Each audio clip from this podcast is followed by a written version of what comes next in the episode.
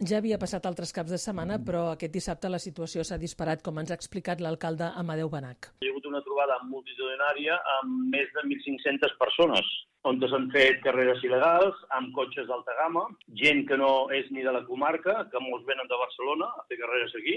Estan molt ben organitzats entre ells, molts d'ells, per tant, quan venen els Mossos d'Esquadra s'avisen, es dispersen per aquí la comarca, i al cap d'una horeta o una estona, ells amb prudència, pues, tornen a activar-se. Ara està encarat tot el polígon amb blocs de formigó i es demanaran més reforços policials al conseller d'Interior pel que pugui passar el cap de setmana que ve, que és la festa major.